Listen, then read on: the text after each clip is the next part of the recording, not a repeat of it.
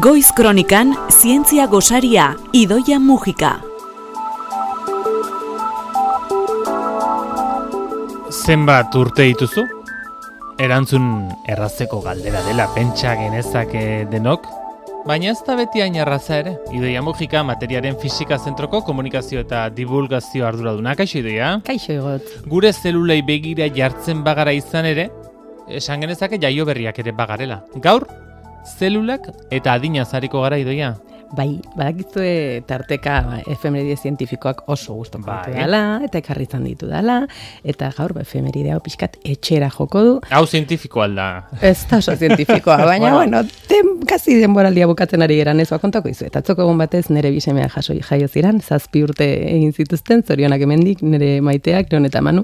Eta irakurtzen jarria, egia esateko, ba, adinari buruz gauza polit desente topatu ditut, baina zu... Urte askoan, Leon eta Manuri, eh? Bai. Euskadi erratiko, goiz kronikako lantalde osoaren bat. Bai, irakurri nuen nunbait eta hau ba, bulo bat dala ere, o- edo e, gaizki ulertu bat dala ere esan behar dizuet alde aurretik, zazpi urtetan gure gorputzeko zeloloa guztiak aldatzen omen genitula. Hori Aha. pentsatzen zen, gutxi gora gerako Hortik abiat, abiatu zenuen zure ikerketa gaur. Bai, ze pentsatu nuen, bueno, ba, dagoeneko orduan Leon eta Manu ja ez dira jaio ziranak teknikoki. Claro, Osea, zelulak aldatu zelula- zaizkie zazpi urtean. guztiak, bere gorputzeko eraikuntza guztiak berritu omen dira. Hau ez da guzti zehatza, horreratze dizuet ja, baina bai ematen du pixkat aria sartzeko mundu horretan, ez? Ba, pixkat kokatzeko gure burua esateko, ba, bueno, bai gu pertsona gera, gure burmuina daukagu, gure ideiak, baina gure gorputza etengabe aldatzen dijoa, eta etengabe zelula asko jaiotzen eta jaiotzen ari dira.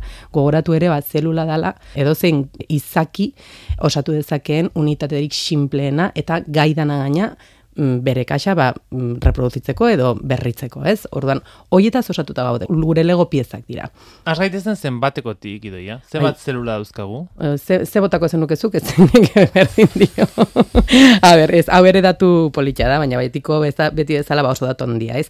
Hogeita mazazpi mila berreun milioi zelula dauzkagu. Gaina, ointxe irakurriet, e, 2022an, saian aldizkarian, publikatu dela gure gorputzaren Google Mapsa zelulei begira. Identifikatu dituzte bosteun zelula mota desberdin. Ez da bakarrekan ze zenbaki daukagu, maizik eta zein desberdin diran bata besteen artean. Eta horretaz konturatu gaitezke ze izan ere, ba, oso desberdina izan behar da zelula bat, ba, begiesta eukitzeko, edo dastamena, edo ukimena, edo gibela, nahita nahi ez, desberdinak izan behar ziren. Ba, gaur egun badakigu, bosteun gutxinez, desberdin badauzkagula espezializatuta gaina. Eta orotara, eh, hogeita amazazpi mila eta berreun milioiko kopuru Hori izugarri hori.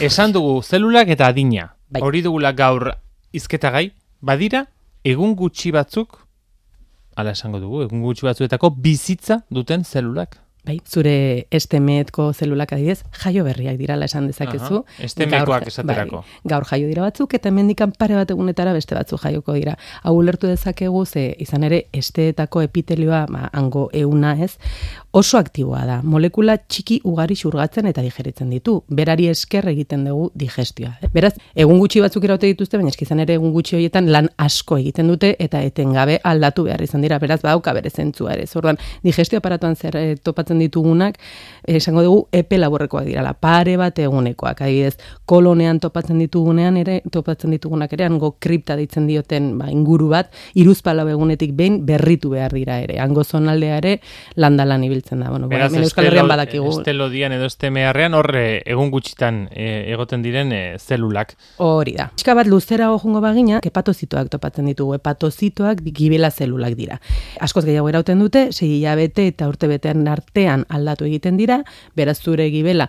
Ez zue pentsa horregatik gibela maltratatu dezakezutenik, ze ez du horrela funtzionatzen, eh? Eta ba, bere funtzioa metabolikoak dira, baina bueno, ba, kasu honetan sei hilabete urte beteko epea. Orduan beraz, bauzkagu bi gauza non begiratuta ba, jaio berriak sei hilabetekoak ginateken beste batzuk ikusiko bagin dituzke, ba nahizko nahiko bizitza laburreko beste zelula batzuk umetoki lepokoak dira. Sei egun irauten dutenak adibidez, bakarrik edo biriketako albeoloak. Netzako gila esan guztionek bastante zentzua dauka. Ze azkenean arnaz hartu, jan, guzti hori etengabe egin behar dugu, beraz... Oie direla gutxien irauten dutenak, ez? Bai, lan, landa landa biltza edo oso espuestuak daude, ez? Ba, kanpotikan ekartzen dizkiegun gauze, gauzetara.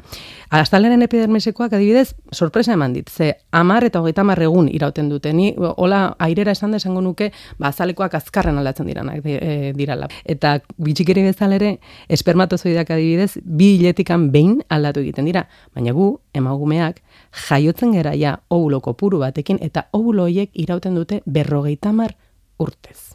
Ordan ba, ba, bizitza nahiko luzea daukaten zelula espezializatuak dira. Alderatuta espermatozoideekin, ba, ba, ba pentsa ze, zein aldea, ez? Odolaz galdetuko banizu, idoia? Ba, bitu odola oso gaipolita da eta izan ere egunen batean hori buruz izen beharko genuke. Ze pentsatuta daukagun ehun likido bakarra da. Hau da, beti pentsatzen dugu gure gorputzan organoetan, ez, bagi bela, giltzurruna, nizer dakit, baina odola bere ere organo bada, gertatzen dena likidoa dala. Organo bada zein zentzutan, ba, funtzio badaukala, eta zein bestekoa daukagula. Odoleko zelulei begiratuko bagenie, berritze tasa oso desberdina dituzte, ze, segun ze zelula. Laburragoakoak sistemak immunitarioak dira, neutrofiloak hain zuzen ere. Neutrofiloak leukozitorik ugarienak dira. E, hauek esatean, ba, pentsatzen ba, beti esaten ditugun babesten gaituzten zelula hoiek, ez? Eta hauek bost egun artean birritzen dira. Beste lekozito batzuk adibidez, eosenofiloak bitik bostera bitarte. Plaketak adibidez amar egun erauten dituzte.